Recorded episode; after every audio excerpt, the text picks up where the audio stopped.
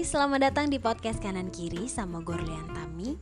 Sebuah podcast yang tidak memiliki konten tetap That's why namanya podcast kanan kiri. Dan juga sebuah podcast yang tidak memiliki jam tayang tetap. Bisa keluar seminggu sekali, sebulan sekali, atau bahkan setahun sekali. We'll see ya, see you.